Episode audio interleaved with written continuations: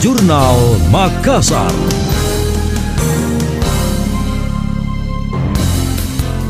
Saya Emil Faris dalam Jurnal Makassar. Bank Indonesia Perwakilan Sulawesi Selatan berkomitmen menjaga perekonomian tetap stabil, salah satunya dengan menekan laju inflasi dan meningkatkan ekspor. Hal itu diungkapkan Kepala Perwakilan BI Sulawesi Selatan Kausa Iman Karana usai menghadap PLT Gubernur Sulawesi Selatan Andi Sudirman Sulaiman. Kausa yang juga pimpinan baru BI Sulsel ini mengatakan pihaknya akan memperkuat sinergi dan kolaborasi dengan Pemprov Sulsel. Apalagi saat ini perekonomian Sulsel cukup tinggi sehingga kondisi tersebut harus senantiasa terjaga. Iya, yang jelas kan kita tetap uh, mendorong TPID, itu pembangunan daerah itu tadi, jadi keterjangkauan, kemudian juga ketersediaan barang, kemudian juga komunikasi. TPID tetap kita laksanakan. Kemudian juga pengembangan UMKM, ya. kemudian juga mendorong sektor-sektor unggulan utama seperti pertanian, pariwisata juga bisa didorong, manufacturing. Jadi kita kan bekerjasama dengan provinsi, kemudian juga sisi lainnya bagaimana mendorong ekonomi sosial ini makin lebih maju dan juga sustainable.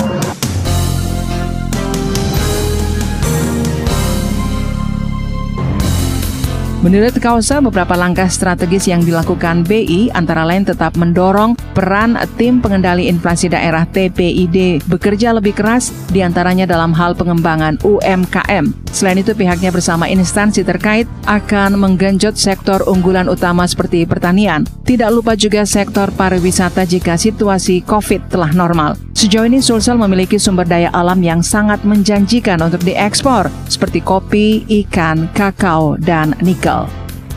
Anda masih mendengarkan Jurnal Makassar dari Radio Smart FM.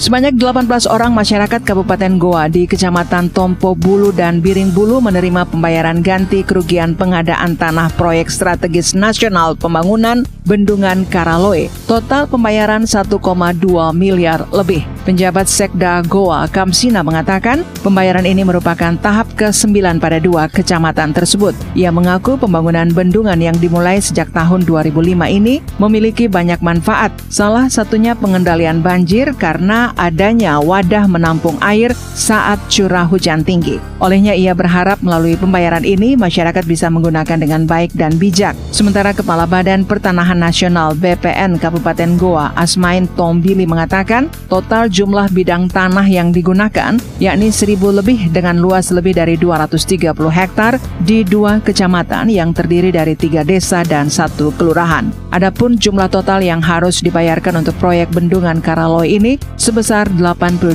miliar lebih. Sejauh ini total yang telah terbayar sebesar 80 miliar lebih atau tersisa 97 persen.